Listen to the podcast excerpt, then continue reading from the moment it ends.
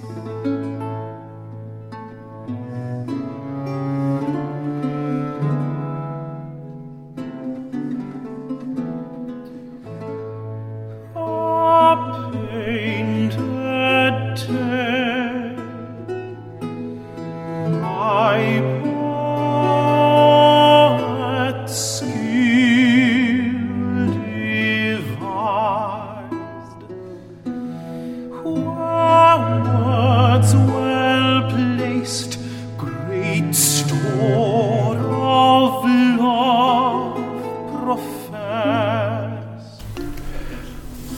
az időről szólva, amikor a Pest és a város keleti részén dühöngött, ahol az emberek sokáig azzal áltatták magukat, hogy épp bőrrel bússzák meg a bajt, és aztán felettébb megrökönyödtek, midőn mégis lecsapott rájuk a ragály, mert lecsapott, méghozzá szinte fegyveres erővel, mondom, Erről az időről szólva beszámolom visszavezet ahhoz a korábban említett három emberhez, akik webpingből elindultak, anélkül, hogy tudták volna merre menjene mit évők legyene, azaz a pékhez, a vitorla készítőhöz, meg az asztaloshoz, akik mindhárman Weppingben vagy a környékén éltek. Ebben a városrészben, mint említettem, olyan aluszékonyság és biztonságérzet uralkodott, hogy az itteniek a többiekkel ellentétben nem tettek semmiféle óvintézkedést, sőt, azzal kérkedtek, hogy biztonságban vannak, és a biztonság mintegy az ő oldalukon áll. A Cityből és a fertőzött külvárosokból sokan Weppingbe, Redcliffe-be, Limehouse-ba, Poplarba és más hasonló helyekre menekültek, mint biztonságos vidékre, és ezzel valószínűleg elősegítették, hogy a Pest is ezen a környéken csak még gyorsabban elterjedjen, mint ahogy ez egyébként történt volna. Mert bár én nagyon is amellett vagyok, hogy egy ilyen városból, mint a miénk, meneküljenek el az emberek, ürítsék azt ki a járvány első jelére, és mindazok, akiknek bármiféle menedékhelyük van, idejében használják ki ezt a lehetőséget, és vonuljanak oda-vissza, mégis azt kell mondanom, midőn valamennyi menekülő szándékozó ember elhagyta már a várost, a visszamaradotta, akiknek át kell vészelnünk a Pestist, tapottat sem mozduljanak lakóhelyükről, ne költözzenek a város egyik végéből a másikba, mert ez minden baj forrása. Valóságos átok, hiszen az emberek még a ruhájukon is házról házra hurcolják a ragályt mert mi egyébért rendelték el nekünk, hogy az összes kutyát és macskát ki kell írtani, hanem azért, mert ezek a házi állatok házról házra, utcáról utcára kóborolnak, és így a betegek effluviumát, vagy testük fertőző kipárolgását szőrükön és bundájukon mindenfelé elhurcolják. Ez volt az oka annak, hogy a járvány kitörésekor a főpolgármester és a hatóságok az orvosok tanácsára rendeletet adtak ki, amelynek értelmében valamennyi kutyát és macskát azonnal el kell pusztítani, és a rendelet végrehajtására hatósági személyt neveztek ki. Ha megbízhatunk az erre vonatkozó jelentésben, szinte hihetetlenül, ilyen sok, szinte hihetetlenül sok ilyen állatot pusztítottak el. Úgy emlékszem, 40 ezer kutyáról és ötször annyi macskáról beszéltek, hiszen alig akadt ház, ahol ne lett volna macska, sőt, egyes helyeken többet, néha ötöt, hatot is tartottak. A lehető legnagyobb igyekezettel írtották az egereket meg a patkányokat is, különösen az utóbbiakat. Patkánymérget és más írtószereket szórtak szét, és ezekből az állatokból szintén roppant tömegeket pusztítottak el. Gyakran, gyakran eltöprengtem azon, milyen felkészületlen állapotban volt az egész nép a pestis kitörés idején, és hogy a hatósági, valamint az egyéni intézkedések és rendszabályok késedelmes meghozatala miatt később támadt az a nagy fejveszettség, pusztult el oly sok ember a járványban, holott, ha megteszik a szükséges lépéseket, Isten segítségével mindezt elkerülhettük volna, és az utókorna, ha tudomásul veszi, intelemül és figyelmeztetésül szolgálhat de erről később még szólni fogok. Most visszatérek három emberemhez. Történetük minden sora tanulságos, és egész magatartásuk, hozzájuk csatlakozottak némelyikének magatartása minden szegény sorsú férfinak és ugyanúgy asszonynak követendő például szolgálhat, ha ez szörnyű idők valaha visszatérnének. És ha a történet feljegyzésére mások nem lett volna, ezt önmagában is nagyon jóknak tartom, akár megfelel beszámolom pontosan a tényeknek, akár nem. Ketten közülük állítólag testvérek voltak. Az egyik veterán katona, most ostjasütő, a másik egy sánta tengerész, most vitorla készítő, a harmadik pedig asztalos. Egy szép napon azt mondja John az ostyasütő Thomas bátyjának a vitorla készítőnek. Tom bátya, mi lesz velünk? A Pest is egyre hevesebben dühöng a városban, és már felénk közeledik. Mit évők legyünk? Bizony, feleli erre Thomas. Magam sem tudom, mit évő legye, mert ha a ragály elér Weppingbe, alig, ha nem kitesznek a lakásomból. És így most előre megbeszélték, mit tehetnéne. John. Kitesznek a lakásodból, Tom? Ha ez megtörténik, nem tudom, ki fogadna be. Mert az emberek most úgy félnek egymástól, hogy sehol sem lehet szállást kapni. Thomas. Derék rendes népeknél lakom, irántam is jó szívvel vannak, de azt mondják, munkám miatt naponta eljárok hazról, és ez mind veszélyesebb lesz. Azon törik a fejüket, hogy bezárkóznak, és senkit sem engednek a közelükbe. Hát bizony igazuk van, ha egyszer elhatározták, hogy a városban maradna. Ami azt illeti, talán okosabb lett volna, ha én is bezárkózni. Talán okosabb volna, ha én is bezárkózni. Hiszen a gazdámnak csak arra az egy vitorlázatra van megrendelése, amelyet éppen most fejezek be. És így valószínűleg sokáig nem lesz munkám. Most minden pang a munkásokat és szolgálókat mindenütt elbocsátja, ezért örülnöm kellene, ha én is bezárkózhatnék velük együtt. De egyelőre nem tudom, hogy ezt szívesebben vennék-e. Akkor mit évő leszel, bátya? És mit évő legyek én? Hiszen én sem vagyok sokkal különb helyzetben nálad. Az a család, amelynél lakom, mindegy szálig vidékre költözött, kivéve egy szolgálót, de a jövő héten neki is mennie kell. Végleg bezárja a házat, így aztán én még nálad is hamarabb szedhetem a sátorfámat. Elhatároztam hát, hogy én is elmegyek, csak tudnám hova. Bolondok voltunk, hogy azon nyomban el nem indultunk, amikor még mehettünk volna bárhova. Most pedig már mozdulni sem igen lehet, éhhalálnak nézünk elébe, ha megkockáztatjuk, hogy elhagyjuk a várost. Nem kapunk sehol élelmet, még pénzért sem. Nem engednek be a városokba, hogy a házakról ne is beszéljek. És az se sokkal kisebb baj, hogy pénzem is alig van, amivel föntarthatnám magamat. Ami azt illeti, még csak boldogulnánk valahogy. Nekem van egy kis pénzem, bár nem sok. De annyit mondhatok, az országúton nem jutunk előbbre ismerek a mi utcámból két szegény, becsületes embert, azok megpróbáltak elmenni, de Bornetben, vagy Westonban, vagy valahol azon a környéken azzal fenyegették őket, rájuk lőnek, ha folytatni merik útjukat, így aztán elvesztették bátorságukat és visszafordultak. Én bizony az ő helyükben nem ijedtem volna meg a puskáktól. Ha a pénzemért nem adnak élelmet, majd nézhették volna, hogy a szemük láttára veszem el, és ha kifizetem, törvényesen semmiképp sem járhatnak el ellenem. Az öreg katona beszél belőled, mintha még most is földön volnál. Ám ez komoly dolog. Az embereknek jó okuk van arra, hogy ilyen időkben távol tartsanak mindenkit, akiről nem tudhatják biztosan egészséges-e vagy sem. Mi pedig nem fosztogathatunk. Nem úgy van, bátya, félreértesz. Nem fosztanék én ki senkit.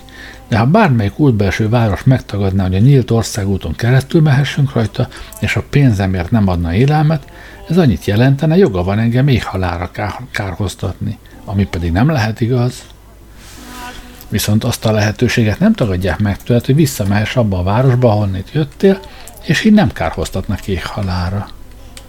De a hátam mögötti város ugyanilyen jogon megtagadhatna, hogy visszamenje, és akkor közös erővel éhen veszejtenéne. Egyébként sincs olyan törvény, amely tiltaná, hogy az országúton szabadon járhassak, amerre akarok. Csak hogy nagyon bajos lenne minden egyes út, útbelső városban vitába bocsátkozni. Magunk fajta szegény ember ne keveredjen ilyesmibe, legkevésbé a mostaniakhoz hasonló időkben. Ha így állnak a dolgok, testvér, akkor a mi helyzetünk bárkinél komiszabb, mert el sem mehettünk, de nem is maradhatunk. Úgy érzem magam, mint a bélpoklos. Ha itt maradunk, biztos halál vár ránk, különösen a kettőnk helyzetében, hiszen nincs házunk, és másnál sem kaphatunk szállást. Ha pedig ilyen időben az utcán hálnánk, akár egyenest a halottas kocsiba is fekhetnénk. A mondó vagyok, hát ha itt maradunk, biztosan meghalunk. Ha meg elmegyünk, rosszabb akkor sem történhet velünk, ezért én eltökéltem magamat, hogy elmegyek. Tehát menni akarsz, de hová mennél, és mit tehetnél? Én is veled tartanék, ha tudnám, hova mehetnénk. Csak hogy nincsenek sem ismerőseink, sem barátaink. Itt születtünk, itt kell meghalnunk. Ide figyelj, Tom, nekem az egész ország épp úgy hazám, mint ez a város. Ugyanilyen joggal azt állíthatnád, hogy nem menekülhetek a házamból, ha tűzüdött ki, mint ahogy azt mondod, nem szabad elhagynom szülővárosomat, ha Pest is fertőzte meg.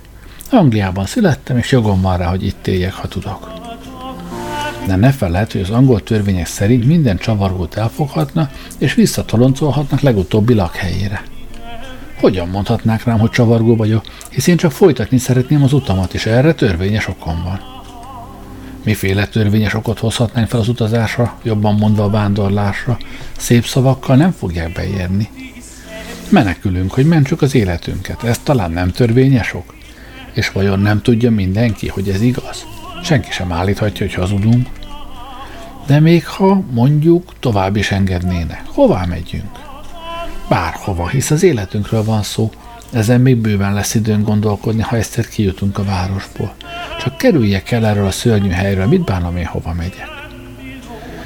Keservesnél is keservesebb sors vár ránk. Nem tudom, mit vélekedjem a tervet felől. Hát, gondolkoz rajta egy kicsit, Tom.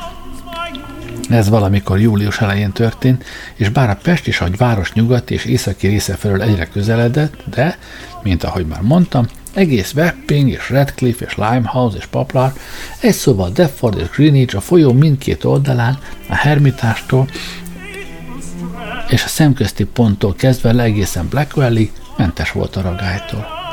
Egész Stepneyben egyetlen áldozatot sem követelt a Pest is, hasonlóképpen a Whitechapel Road déli oldalán sem. Nem, egyetlen egyházközségben sem. Pedig épp ezen a héten a jegyzék szerint a halálozások száma 1006-ra emelkedett. Két hét telt el, mire a testvérek újból találkozta, és addigra a helyzet némileg megváltozott, mert a Pest is most még sokkal hevesebben dühöngött. Az áldozatok száma nagyon megszaporodott, a halálozási jegyzékén már 2785 főre szökött fel, és még egyre iszonyatosabban emelkedett, na ha a folyó két oldalán még mindig elég jól álltak a dolgok. De Redriff-ben már többen meghaltak. Redcliffe Highway-ben meg 5 amikor a visztorlak készítő lélek szakadva nagy ilyetten felkereste öccsét John-t. Ugyanis felmondták a lakását, és így mindössze egy hete volt, hogy más szállást keressen. John sem volt különb helyzetben, már el is kellett volna hagyni a lakását, de kikönyörögte mesterétől, az ostyassütőtől, hogy a műhelyhez tartozó egyik színben ellakhasson, ahol csak szalmán fekhetett, néhány készszersült vagy kenyérsákot borított rá, és ilyenekkel takarózott is. Mivel látták, hogy minden foglalkoztatottságnak vége, munkához, keresethez nem juthatna, ezért most elhatározták, minden tőlük telhetőt elkövetne, hogy a szörnyű raggályáról elmeneküljenek, és fogukhoz verve a garast, megpróbálnak eltengődni, ameddig csak győzi, aztán pedig elvállalnak bármilyen kínálkozó munkát. Míg azon töprengtek, hogyan lehetne elhatározásokat minél célszerűbben megvalósítani, a harmadik férfi, aki a vitorla készítővel jó ismerettségben volt, tudomást szerzett szándékukról, és engedélyt kért és kapott, hogy csatlakozzon hozzájuk. Így aztán felkészültek az utazásra. Mint kiderült, az egyiknek több, a másiknak kevesebb pénze volt, viszont a vitorla készítő, hármuk közül legmódosabb, amellett, hogy sánta volt, mesterségének jellege miatt a legkevésbé remélhette, hogy vidéken munkát találhat. Ezért aztán beleegyezett, hogy minden pénzüket közösen kezeljék azzal a feltétellel, hogyha az egyikük többet keresne, mint a másik, az illető egész keresetét vonakodás nélkül hozzáteszi a közös vagyonhoz. Elhatározták, hogy a lehető legkevesebb podgyásszal terhelik magukat, mert gyalog akartak nekiindulni, és minél nagyobb távolságot szerettek volna maguk mögött hagyni, hogy amennyire csak lehetséges, biztonságba kerüljenek. Hosszasan tanácskoztak, hogy melyik utat válassza, de olyan nagy volt köztük a véleménykülönbség, hogy még az indulás napjának reggelén sem jutottak megegyezésre. Végül a tengerész egy javaslat állt elő, és ez eldöntötte a vitát.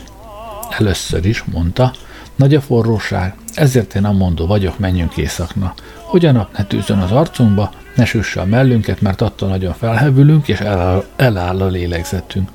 Márpedig én azt hallottam, folytatta, hogy nem jó, ha a vér túlságosan megforrósodik, amikor a fertőzés, ki tudja, talán épp magában a levegőben van. Továbbá amellett vagyok, lehetőség szerint széllel szemben induljunk útna, nehogy a szél a város levegőjét a hátunkba fújja. Ezt a két óvintézkedést a többiek is helyeselték, persze csak arra az esetre, ha úgy alakul a helyzet, hogy északnak tartva a szél nem éppen délfelől fúj. Most John az ostya sütő a hajdani katona állt előmondani valójával. Elsősorban is egyikünk sem remélheti, hogy útközben bármilyen kvártét találjon, a szabad ég alatt aludni pedig kissé bajos volna. Jól lehet, meleg van, de esősre, párásra fordulhat, és a mostani időben kétszeres okunk van rá, hogy vigyázzunk az egészségünkre. Ezért folytatta, te, Tom bátya, aki vitorlakészítő vagy, könnyűszerrel csinálhatnál nekünk egy kis sátrat. Én meg vállalom, hogy esténként felverem és megint leszerelem, és így fittyet hányunk Anglia valamennyi fogadójának. Ha jó sátor van a fejünk felett, akkor már remekül meg leszünk.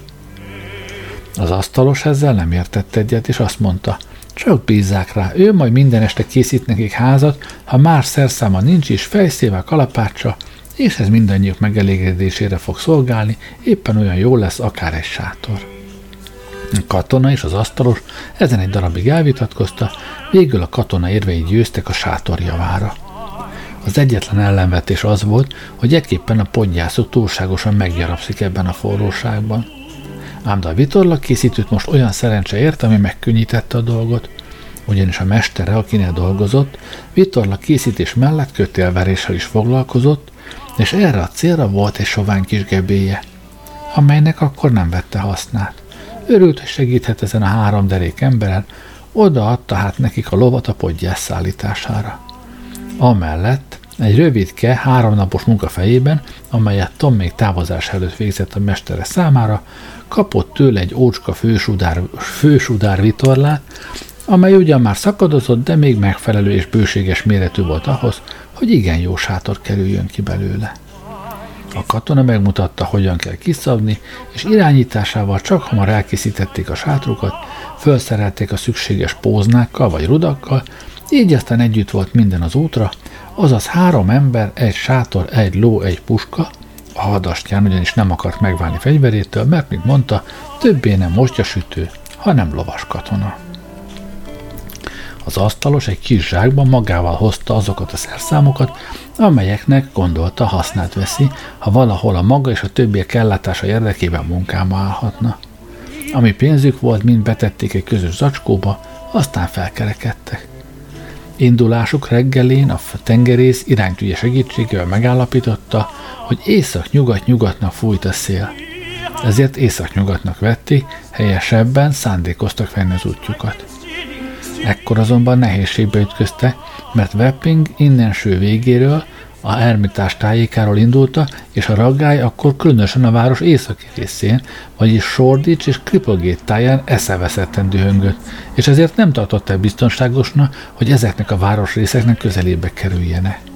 Így azután keletnek vették útjukat, a Redcliffe úton egészen Redcliffe Crossig haladta, Stepney Church-től jobbra, ugyanis a Redcliffe Crosstól nem mentek egyenesen Mylandhez átvágni, mert akkor a temető mellett kellett volna elmenni, már pedig a szél most inkább nyugat felől fújt, a városnak éppen arról a részéről, ahol a Pest is tetőfokára hágott. Ezért mondom, Stepney-t elhagyva nagy kerülőbe a Poplar és Brumley felé mente, és pontosan Bónál értek ki az országútra. Itt a Bowbridge őrsége feltartóztatta volna őket, az utasok azonban, hogy elkerüljék a kérdezősködést, átvágtak az úton és befordultak egy kerkeny ösvényre, amely a Bonnál Oldford felé kanyarodik, és így el is jutottak Oldfordig. A konstáblerek mindenütt téberen örködte, látszólag nem annyira azért, hogy feltartóztassák az utasokat, inkább, hogy ne engedjék őket az egyes helységekben megmaradni. Még egy újabban szányra kapott, és egyébként nem is valószínűtlen hír miatt, amely szerint Londonban a munka és ennek folytán kenyer nélkül maradt nyomorgó és éhező szegények fegyvert fogta, fellázadtak és arra készülődne, hogy a környező városokba menjenek és ott fosztogatva élelmet szerezzenek. Ez, mint mondom, csak vaklárma volt, és nagyon jó, hogy az is maradt de nem sok híja volt, hogy valósággá váljé, mint ahogyan azt általában gondolták, mert alig néhány héttel később a szegényeket a fejükre zúdult nyomorúság akkora kétségbeesésbe kergette, hogy csak nagy ügyel bajjal lehetett őket visszatartani attól, kéne rohanjanak a mezőkre és a környékbeli helységekbe, útjukban felégetve lerombolva mindent. És, miként már említettem, nem is akadályozta meg őket semmi más, csak a rettenetesen öldöklő járvány, amely ezrével taszította sírba őket, és nem tudtak ezres bandákba verődve a lidékre vonulni. Mert Szent Sepulch Clerkenwell, Cripplegate, Bishopgate és Shoreditch egyházközségekben, ahol a csőcselék fenyegetően lépett fel, a raggály olyan iszonyatosan tombolt, hogy a néhány városrészben, még mielőtt a Pest is tetőfokára hágott volna, augusztus első három hetében nem kevesebb, mint 5361 ember pusztult el holott ugyanakkor Wapping, Redcliffe és Rotherlight környékét, mint ahogy már leírtam, alig vagy csak nagyon kevés érintette a járvány. Úgyhogy, bármint említettem, a főpolgármester és a békebírák bölcs intézkedései sokat tettek annak érdekében, hogy a nép dühe és elkereseredése ne robbanjon ki zavargásban és felfordulásban. Tehát röviden szólva, hogy a szegények ne fosszák ki a gazdagokat, mint mondom, sokat tettek ennek érdekében, de még többet tettek a halottas kocsik, mert mikor azt mondottam, hogy az öt egyházközségben 20 nap alatt több mint 5000 ember halt meg, ehhez még hozzá kell számítani, hogy ez idő alatt valószínűleg háromszor annyian ágynak este, egyesek felgyógyultak, de naponta újabbak és újabbak betegedtek meg, és utóbb aztán elpusztultak. Amellett hadd ismételjem meg újra, hogyha a halálozási jegyzékek 5000-et mondta, a valóságban véleményem szerint csak nem kétszer annyi lehetett a halottak száma, mert nincs semmi ok annak feltételezésére, hogy a közzétett adatok pontosak voltak, vagy hogy az űrzavarban, amelyet tapasztaltam, egyáltalán lehetséges volt fontos, pontos feljegyzéseket vezetni. De vissza vándorainkhoz. Csak itt, Oldfordban állították meg őket, és mivel inkább vidékről, mint Londonból valónak látszotta, az itteniek barátságosak voltak irántuk, beszédbe legyettek velük, behívták őket az egyik fogadóba, ahol épp ott volt a konstábler az útbiztosaival, és enni-inni adtak nekik, ami nagyon felfrissítette és serkentette őket. És itt támadt az az ötletű, hogyha később kikérdeznék őket, nem azt fogják mondani, hogy Londonból, hanem hogy Essexből jönnek. E kis csalás érdekében megnyerték az Oldfordi konstábler jóindulatát, és így kaptak tőle egy írást, amely szerint Essexből jövet haladtak át a falun, és nem voltak Londonban. Ez ugyan lényegében nem felett meg a valóságnak, Betű szerint azonban mégis igaz volt, mert Wapping vagy Redcliffe nem tartozott sem a Cityhez, sem a külső kerületekhez. Ez az írás a legközelebbi konstáblernek szólt, aki Hammertonban Hackney község egyik tanyáján teljesített szolgálatot, és olyan hasznosnak bizonyult, hogy nem csak szabad átutazást biztosított neki, hanem még orvosi bizonyítványt is kaptak az egyik békebírótól, aki azt a konstábler kérelmére minden akadékoskodás nélkül kiadta. Így azután áthaladtak a hosszan elnyúló Hackney községen, ez ugyanis akkoriban még sok különálló tanyából állt, és folytatták útjukat, míg a Stamford hegy tetején el nem érték az észak felé vezető nagyutat. Addigra már elfáradtak, és ezért elhatározták, hogy sátort verne, és az első éjszakára a Hackney mögött húzódó ösvényen táboroznak le, nem messze attól a helytől, ahol az ösvény az említett nagy útba torkolli. Tervüket meg is valósították azzal az eltéréssel, hogy találtak egy pajtát, jobban mondva egy pajtaszerű épületet, és miután alaposan átkutatták, hogy megbizonyosodjanak senki sincs benne, Sátrukat a, tet- sátrukat a tetejével a pajtának támasztva állították fel. Tették ezt annál is inkább, mert a szél akkor éjszaka igen hevesen fújt, ők pedig mind az ilyenfajta táborozás, mind a sátorverés dolgában még tapasztalatlanok voltak. Most hát aludni térte, ám az asztalos, aki komoly józan ember volt, nem tartotta helyesnek, hogy rögtön az első éjszaka ilyen nem törődő módon feküdjenek le, ezért nem is tudott aludni. Amikor hiába próbálkozott az alvással, és csak nem jött állam a szemére, elhatározta, hogy veszi a puskát, kimegy a sátorból és örködik társai felett. Így azután puskával a kezében fel alá járkált a pajt előtt, mely az út közelében, de a sövényen belül állt a mezőn. Nem régen őrködött még, amikor zajt hallott, mintha sokan közelednéne, és egyenesen a pajta felé tartanána. Nem ébresztette fel azonnal a társai, de néhány perc múlva, midőn a zaj mind hangosabbá vált, az sütő kiszólt és megkérdezte, mi a baj, majd ő is gyorsan kiúrott.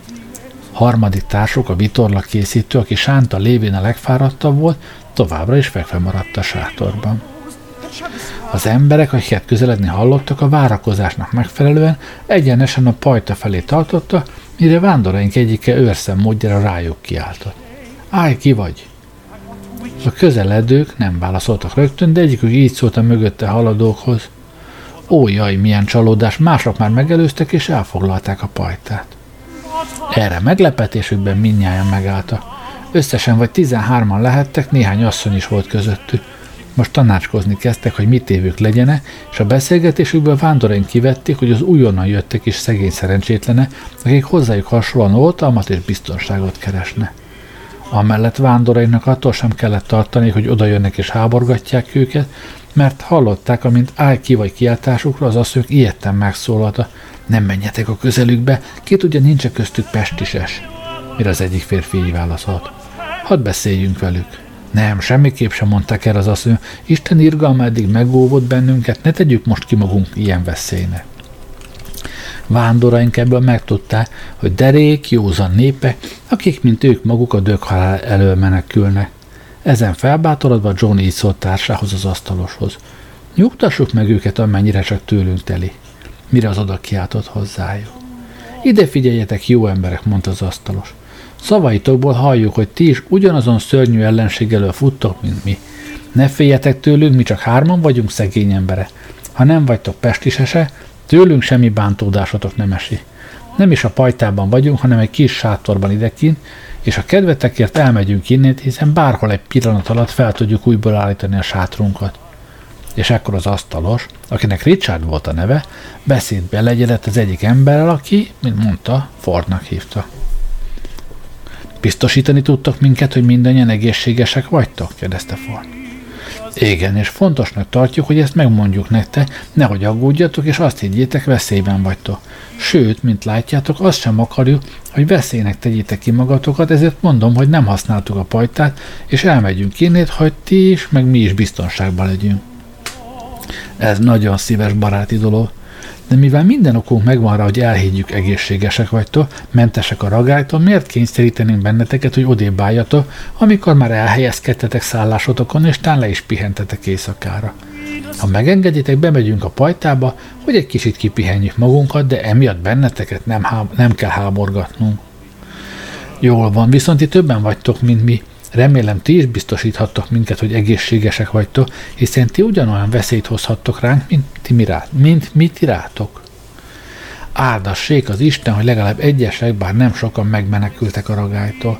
Hogy mi sors vár ránk, nem tudjuk, de Isten eddig megóvolt minket. A város melyik részéből jöttök? Elérte már a Pest is azt a helyet, ahol laktatok? Ó, igen, méghozzá nagyon is ijesztő és szörnyű erővel, hiszen másként nem menekültünk volna el onnét. És az ottaniak közül azt hiszük, nagyon kevésen maradnak, kevesen maradnak majd életben. Melyik környékről jöttő? Többnyire Cripplegate-ből, csak ketten-hárman Clerkenwellből, de az innenső oldalról. És akkor miért nem jöttetek el már korábban? Már egy ideje eljöttünk onnét, és együtt meghúzódtunk, ahogy tudtunk, Islington innenső végében, ahol megengedték, hogy egy öreg lakatlan házban aludjunk, és hoztunk magunkkal valamelyes ágyneműt és más holmit is. De Islingtonra szintén átcsapott a Pest is, és szegényes szállásunkkal a szomszédos házat, mert az fertőzött lett, lezárta, és akkor ilyetten eljöttünk onnét. És most merre mentek? Amerre a sors vett, nem tudjuk hova menjünk, de Isten elvezérli azokat, akik benne bíznak. Tovább nem beszélgette, hanem mindnyájan oda mentek a pajtához, és némi vesződtség árán be is jutotta. A pajtában nem találtak egyebet, csak szalmát, azt viszont bőségesen, elhelyezkedtek, ahogy tudtak, és lepihentek. Vándoraink azonban megfigyelték, hogy mielőtt lefeküdtek volna, egy aggastyán, aki az egyik asszonynak az apja lehetett, imába fogott, és a többiekkel együtt az isteni gondviselés áldását és útmutatását kérte valamennyiük számára. My sin I deceive, before my sin I deceive. Love shall his Bubenschaftslieb and Venus stars want wings to the sun refused to show his light, and day shall then be turned to night, and in that night no star appear. Whene'er I leave my Celia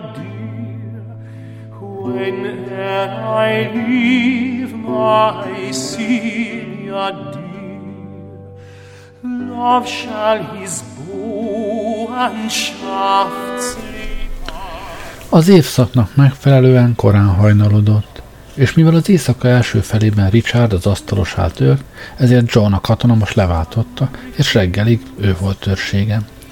Vándoraink és az újonnan jöttek, kezdtek összebarátkozni egymással, kiderült, hogy Amok, Amazok islington elhagyva északnak Highgate felé igyekezte, de Holloway-nél feltartóztatták őket ezért a mezőkön és dombokon át keletnek tartotta, és úgy értek ki a folyóhoz, így elkerülve a helységeket, valkész felől maguk mögött hagyták Hornsnit, ki jobbkész felől pedig Newington, és a föl túlsó oldalról jövet a Stanford hegy tájékán kibukkantak a nagy útra, amelyet a három vándor az innenső oldalról ért el. Most pedig azt tervezték, hogy a folyón át, a lábvidékre, majd onnét tovább az Eppingi erdőig menne, ahol is remélték lepihenhetnek. Látszólag nem voltak szegények, semmiképp sem annyira, hogy nélkülözniük kelljen, ahhoz minden esetre elég pénzük volt, hogy két-három hónapig szerényen megéljene, és addigra, mint mondták, már remélhető, hogy a hideg időjárás gátat vet a ragályna, vagy legalábbis kitombolja magát alább, hogy ha másért nem, hát azért, mert már nem marad élő ember, akire lecsaphasson. Hasonló helyzetben volt a mi három vándorunk is, csak talán jobban fel voltak szerelve az utazásra, és messzebbre szándékoztak menni. Mert azok nem gondoltak arra, hogy egy napi járó földnél távolabb menjene, mivel két-három naponként híreket szerettek volna kapni, hogyan állnak a dolgok Londonban. Most azonban vándoraink nem várt akadályba ütközte, mégpedig a lovuk miatt. Ha ugyanis lóháton szállítják podgyászokat, kénytelenek lesznek az úton haladni, míg a másik csoport tetszése szerint átvághat árkon bokron, akár van ösvény, akár nincs, akár van gyalogút, akár nincs, és arra sem volt semmi okuk, hogy a falvakon haladjanak át, vagy hogy a közelükbe menjenek, ha csak nem akarnak majd egyet mást vásárolni, ami a létfenntartásukhoz szükséges. Ebben a tekintetben azonban nagy nehézségeik támadta, amint azt a maga helyén majd elmondom.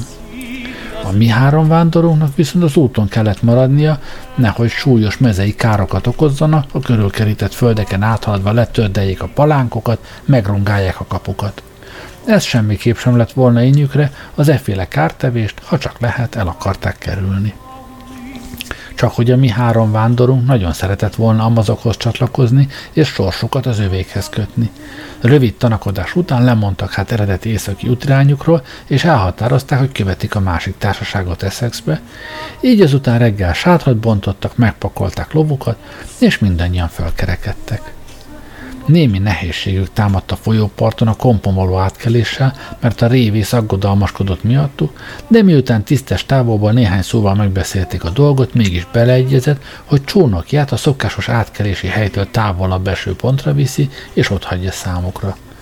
Lelkükre kötötte, hogy ha átkeltek, hagyják ott a csónakot, és ő majd azt mondta, a másik csónakjával elmegy érte, amit azonban úgy látszik, jó egy hét múlva tett csak meg. Itt ellátták magukat enni valóval oly módon, hogy pénzt adtak a révésznek, aki elhozta, és a csónakban hagyta az egészet, de csak azután, hogy, mint már mondtam, jó előre megkapta a pénzt. Most azonban utasai nagy nehézséggel találták szemben magukat, nem tudták, mit évők legyene, hogyan vigyék át a lovat, mert a csónak kicsi volt, elféle célokra nem alkalmas. Végül is mit volt mit tenniük, lepakolták a podgyászt, és a lovat átúztatták a folyón.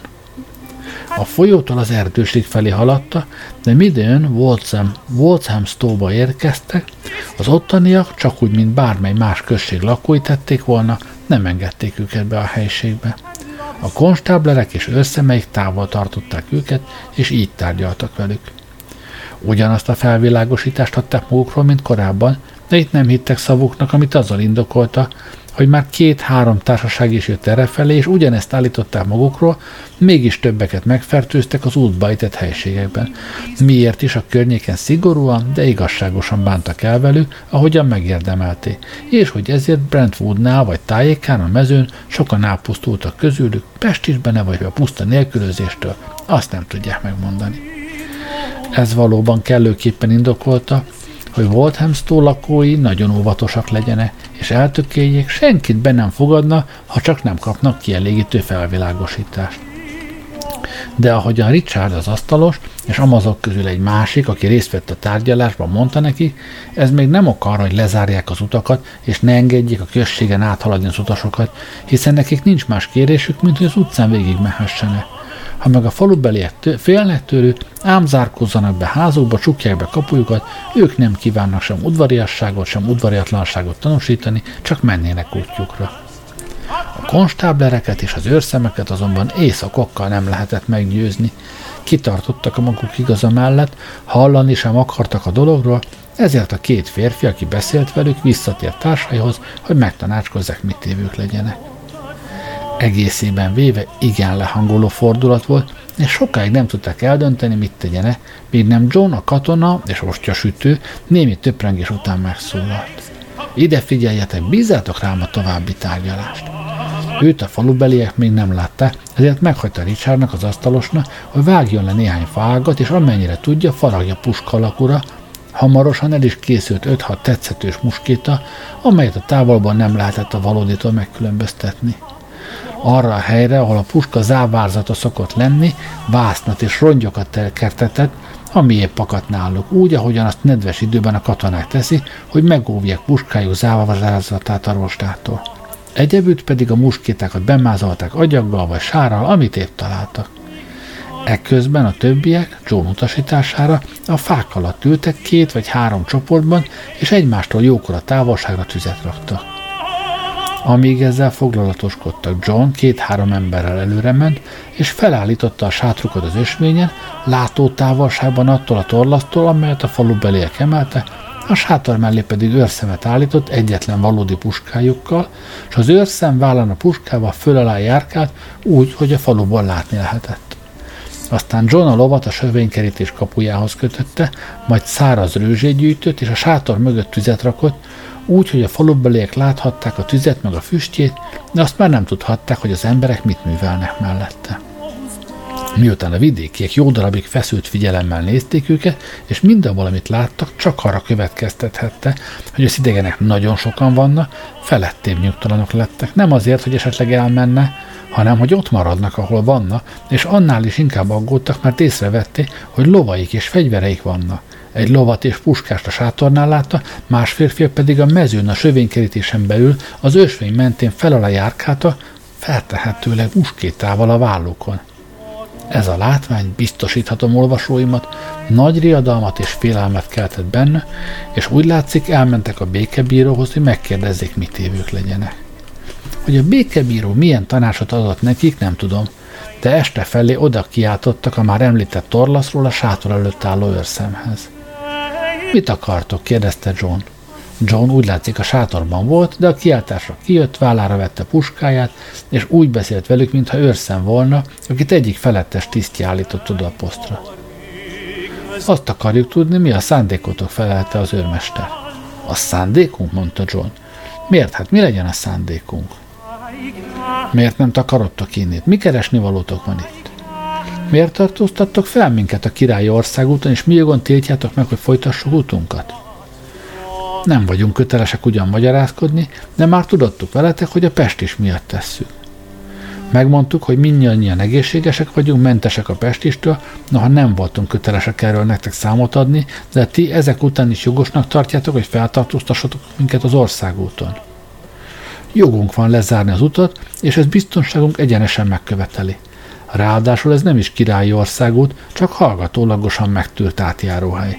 Láthatjátok azt a kaput, ha azon bárkit átengedünk, mutadót szedünk tőle. Nekünk épp úgy jogunk van a biztonságunkra ügyelni, mint nektek, és láthatjátok, hogy a Pest is elől menekülünk. Keresztényekhez nem illő és nagyon jogtalan cselekedet, hogy feltartóztattok minket. Visszatérhettek oda, ahonnét jöttetek. Ebben nem akadályozunk meg titeket. Nem, ebben nálatok erősebb ellenség akadályoz meg bennünket. Ha nem így volna, nem is jöttünk volna ide. Választhattok más utat. Nem és nem. Bizonyára látjátok, hogy megszaladhatunk benneteket és a helység valamennyi lakóját, és ha akarnánk, átmehetnénk a falun. De mivel feltartóztatatok, beletörődünk a helyzetbe. Látjátok, letáboroztunk, és itt maradunk. Remélem elláttok majd élelemmel. Ellátni élelemmel? Hogy érted ezt? Hát csak nem hagytok éhen pusztulni, ha feltartóztattatok, az ellátásunkról is gondoskodnotok kell. Amit tőlünk kaptok, attól bizony felkopik az állatok. Ha szűken méritek, majd mi gondoskodunk bőségesebb ellátásról. Hogy, hogy, tán csak nem akarjátok erőszakkal bekvártályozni magatokat nálunk? Eddig még nem fenyegetőztünk erőszakkal, de miért akartok erre kényszeríteni? Öreg katona vagyok, éhezni nem bírok, és ha azt hiszitek, a nélkülözés visszafordulásra kényszerít minket, nagyon tévedtek. Ha fenyegetőztök, majd teszünk róla, hogy elég erősek legyünk az ellenállásra. Parancsom majd szükség esetén szólítsam fegyverbe a grófságot. Lám, ti fenyegetőztök, nem mi és mert rosszban töritek a fejeteket, nem hibáztathattok minket, ha nem adunk nektek időt rá, néhány percen belül bevonulunk a községbe. Hát mit kívántok tőlünk? Kezdetben semmi más nem kívántunk, mint hogy engedjetek át a falun, nem bántottunk volna senkit, hajatok szála sem görbült volna. Nem vagyunk tolvajok, csak bajba jutott szegény emberek. Menekülünk a szörnyű londoni pestis elől, amely hetenként ezreket pusztít el. Nem értjük, hogy lettek ilyen könyörtelenek. Az önfenntartás kényszerít erre. Hogyan? Ilyen szörnyű időben kiölnétek szívetekből a szánalmat? Hát jó. Ha balkéz iránt átvágtok a földeken, és azon az oldalon haladtok el a falu mellett, megpróbálom kinyitatni számotokra a kapukat. Arra felé lovasaink nem tudnak elvonulni a podgyászal, és ott nem is érjük el az utat, amerre igyekszünk, miért kényszerítenétek minket arra, hogy letérjünk utunkról? amellett egész napra feltartóztattatok bennünket, és csak annyi jeleségünk van, amennyit magunkkal hoztunk. Kötelességetek volna élelmet küldeni nekünk. Ha elmentek, küldünk nektek valamelyes élelmet. Ez oda vezetne, hogy a grófság valamennyi helyisége elzárja majd előlünk az utat. De ha minden lát benneteket élelemmel, mi bajotok lehet? Látom, sátraitok vannak, szállásra hát nincs szükségetek. No jó van, mennyi élelmet küldtök? Hányan vagytok? Annyit nem is kérünk, hogy valamennyiünknek elég legyen, három csoportban vagyunk. Ha küldtök három napra való kenyeret 20 férfi és kb. 6-7 asszony számára, és megmutatjátok azt az említett utat a földeken, akkor elmegyünk, hogy a falutok népen ne féljen miattunk. Kedvetekért kerülőt teszünk, jól lehet épp hogy egészségesek vagyunk, mint ti. És biztosítotok bennünket arról, hogy a többi emberetek nem fog háborgatni minket? Nem, nem, ebben biztosak lehettek. Arra is köteleznetek kell magatokat, hogy egyikőtök sem jön egy tapottat sem közelebb annál a helynél, ahova a számotokra küldött élelmet letesszük. Szavamat adom, hogy nem megyünk közelebb. Ennek megfelelően oda küldtek nekik húsz cipót, meg három-négy darab jó marhahúst, és kinyitottak néhány kaput, amelyen át elvonulta, de a falubeliek közül még csak ahhoz sem volt mersze senkinek, hogy kipillantson, és figyelje, hogy elvonulna. Mivel pedig este volt, még ha ki is néznek, akkor sem láthatták volna, milyen kevesen vannak. Ilyen furfangos volt hát John a katona, de az eset nyomán olyan riadalom támadt a grófságban, hogy ha valóban két-háromszázan lettek volna, talán az egész grófságot mozgosítják ellenük, börtönbe vetik, vagy beverik a fejüket. Erre hamarosan ők is rájöttek, mert két nap múlva a környéken különféle lovascsapatokkal meg gyalogosokkal találkozta. Háromszázad, mint mondta, muskétával felszerelt embert üldöztek, akik Londonból törtek ki, pestisese, és nem csak a ragályt terjesztik a nép között, hanem még fosztogatják is a vidéket. Látva tettük következményeit, hamarosan megértették, milyen veszedelem fenyegeti őket, ezért megint csak az öreg katona tanácsára elhatározták, hogy újból csoportokra oszlana. John és két társa elindult a lóval, mintha Walthambe tartanána, a többiek pedig két csapatban, de mind szétszórtan Epping felé mentek. Első éjszaka valamennyien az erdőben táboroztak le, nem messze egymástól, de sátrat nem verte, nehogy felfedezzék őket. Viszont Richard fejszéjével meg baltájával munkához látott, levágott faágokból három sátrat, illetve kaibát rót össze, és mindannyian ezekben húzódtak meg olyan kényelemben, amit csak ott elvárhatta. A Walhamstóban kapott irelemmel arra az estére bőségesen el voltak látva, ami pedig a másnapot illeti, ezt a gondviselésre bízták. Az öreg katona vezetése alatt olyan jól járta, hogy most közös akarattal vezérükké választotta, és már első intézkedését is mind helyeselték. Azt mondta ugyanis neki, hogy most már kellő távolságra vannak Londontól, és mivel nincsenek feltétlenül rászorulva az itteniek támogatására, ezért legyenek óvatosa, hogy a vidék épp hogy kevéssé fertőzze meg őket, mint ahogy ők nem fertőzik meg a vidéket. Kevéske pénzükkel pedig olyan takarékosan bánjanak, ahogy csak tudna, és amiképpen ő nem tűrne, hogy a vidékkel szemben erőszakos cselekedetre gondoljana, azonképpen iparkodniuk kell, hogy amennyire csak lehet, kivívják a vidékiek jó indulatát. Mindannyian alávetették magukat az utasításnak, így a három kaibát meghagyták, és másnap elindultak Epping felé. A kapitány, mert most már így nevezték, két utitársával lemondott arról a tervéről, hogy volt ember menjen, tehát valamennyien együtt folytatták útjukat.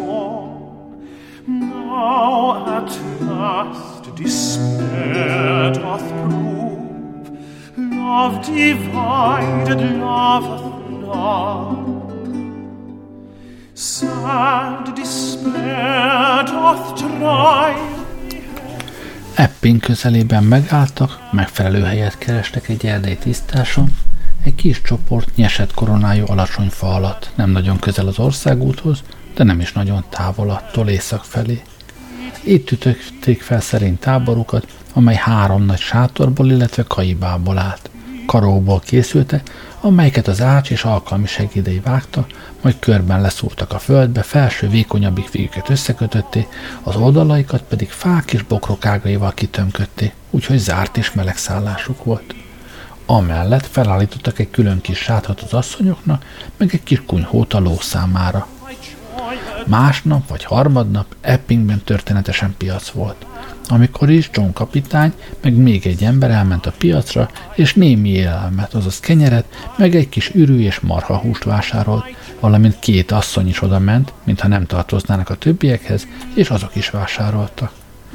John az élelem hazaszállítására magával vitte a lovat, meg azt a zsákot, amelyben az ársa szerszámait hordta, hogy mindent abba tegyenek aztán az ács munkához látott, ülő alkalmatosságú padokat és zsámolyokat készített, mára milyen a rendelkezésre álló fanyagból kitelt, meg egy asztalfélét az étkezéshez. Két-három napig senki sem figyelt fel rájuk, de aztán csapatostól sereg lettek látásukra a város, városbelie, és az egész környéken nagy éjadalom támadt miattuk. Az eppingiek eleinte szemmel láthatóan féltek a közelükbe menni, és a vándoraink is szívesebben távol tartották volna őket, mert híre járt, hogy Voltenben felütötte fejét a Pest is, és Eppingben már két-három napja dühöng. John tehát rájuk kiáltott, hogy ne közeledjenek, mert, mint mondta, mi itt mind épp és egészséges emberek vagyunk, és nem akarjuk, hogy ide hozzátok közénk a Pestist, sem pedig, hogy azt állítsátok, mi hoztunk közétek. Mi hoztuk közétek. Ezek után kijöttek hozzájuk a városi tisztviselő, és távolból tárgyalásba bocsátkozta velük, tudni akarták kicsodák, és milyen jogon merészelnek ezen a helyen tábort ütni. John őszintén azt válaszolta neki, hogy ők szegény bajba jutott Londonia, akik előre látva milyen nyomorúságú sors várt rájuk, ha a Pest is elharapózik a városban, időben elmenekültek onnét, hogy életüket mentsék. Mivel pedig nincs senki ismerősük vagy rokonuk, akinél meghúzódhatnána, előbb Islingtonban telepettek meg, de mikor a Pest is oda is elért, tovább menekültek, és mert azt gondolták, hogy az eppingiek nem engedik be őket a városba, hát a szabad mezőn és az erdőben ütöttek tanyát, és inkább hajlandók tűrni a nyomorúságos szállás okozta megpróbáltatásokat, mint hogy bárki azt gondolja, vagy attól féljen, hogy kárt szenved miattuk. Az eppingie eleinte igen nyersen beszéltek velük, és azt mondták, szedjék a sátorfájukat, itt nincs hely a számukra, azt állítják magukról, hogy épek és egészségese, de ugyanúgy lehet, hogy fertőzötte, még ha nem is tudnak róla, és megfertőzhetik az egész környéket, és ezért nem tűrik itt meg őket. John jó darabig higgadtan vitatkozott velük, azt mondta, hogy Epping és a környező vidék lakói Londonból élne, ott adják el földjük termékeit, onnét ered a gazdaságuk, minden haszna, nem való hát, hogy ilyen könyörtelenek legyenek London lakói, vagy bárki iránt, aki ennyit keresnek. Még majd szégyelni fogják, ha később felhánytorgatják neki, és az orruk alá dörgölik, milyen barbár módon, milyen ridegen és barátságtalanul bántak a londoniakkal, midőn azok az emberiség legszörnyűbb ellenséggel menekültek és ez elegendő ok arra, hogy egész Londonban meggyűlöljék az eppingieket, és hogy a csőcselék a nyílt utcán kővel dobálja meg őket, ha a piacra merészkednek. Amellett nem is lehetnek biztosak a felől, nem méri-e őket is el a ragály, hiszen Voltenben, mint hallotta, már felütötte a fejét, és bizonyára ők is nagy kegyetlenségnek tartaná, ha valamelyikük a fertőzéstől való félelemben elmenekülne, és még azt is megtagadnák tőle, hogy a szabad ég alatt alhasson.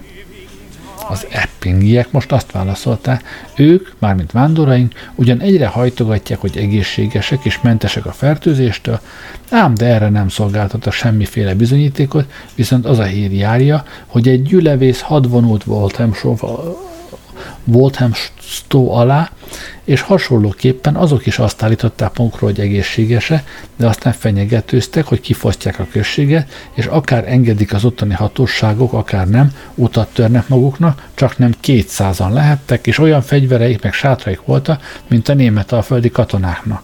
Élelmet zsaroltak ki a várostól, és azzal fenyegetőztek, hogy egyszerűen bekvárt téjözzák magukat náluk, fegyverükkel handabandáztak, és katonamódra nyersen beszéltek. Aztán többen közülük Romford és Brentwood felé vonultak el, megfertőzték a környéket, és a két nagy városba behúrszolták a ragályt.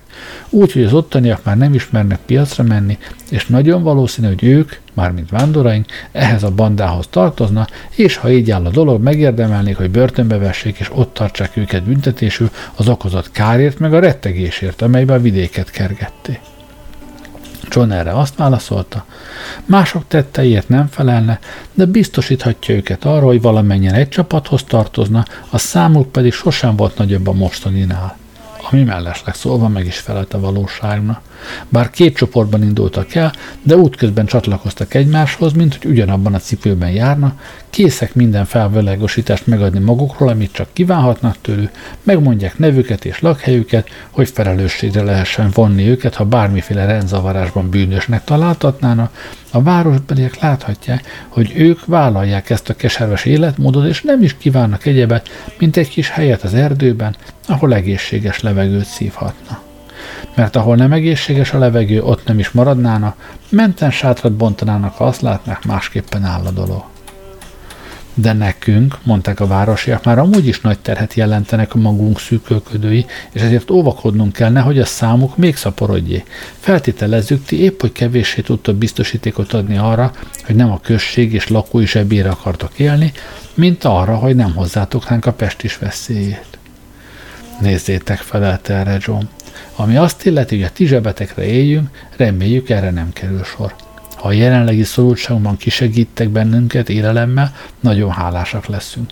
De ahogyan odahaza sem ért egyikünk sem könyöradományokból, úgy itt is kötelezzük magunkat, hogy az utolsó garasig mindent visszafizetünk nektek, ha Istennek úgy tetszik, hogy épségben hazavezéreljen minket családunkhoz és otthonunkba, és hogy London népének visszaadja az egészségét ami pedig azt illeti, hogy itt esetleg meghal valaki közülünk, biztosítunk benneteket, hogy az életben maradottak majd eltemeti, és ezzel nem okozunk nektek költséget, kivéve ha valamennyien meghalunk, mert hát aki utolsónak marad, az nem bírja magát el, eltemetni, és ez így az egyszeri költség valóban rátok hárulna, aminek fedezésére azonban, biztos vagyok benne, mondta John, eleget hátrahagy majd maga után.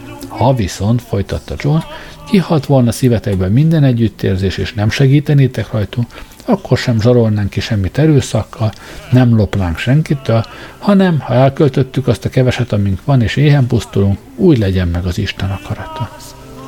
John okos és higgadt beszéde oly hatással volt a városiakra, hogy visszavonultak, és bár nem járultak hozzá, hogy az utasok ott maradhassanak, nem is háborgatták őket, szegény vándoraim pedig további három-négy napig nyugalomban ott tanyáztak. És közben távoli ismerettségbe kerültek egy város széli vendéglőssel, akinek messziről oda kiáltották, hogy hozzon ki nekik egyes mást, amire szükségük volt, tisztes távolban letétették vele, és mindenkor igen becsületesen megfizettek mindenért. Ez idő alatt a város fiatalabbjai gyakorta egészen közel jöttek hozzájuk, ott áldogálták és nézték őket, és néha megfelelő távolságból beszédbe legyettek velük, és különösen arra figyeltek fel, hogy az első vasárnapot a szegény vándorok visszavonulva töltötték, közös Isten tiszteletet tartotta, és zsoltárokat énekelte. De hogy ezután mi történt velük, azt már csak majd a jövő héten fogjuk megtudni.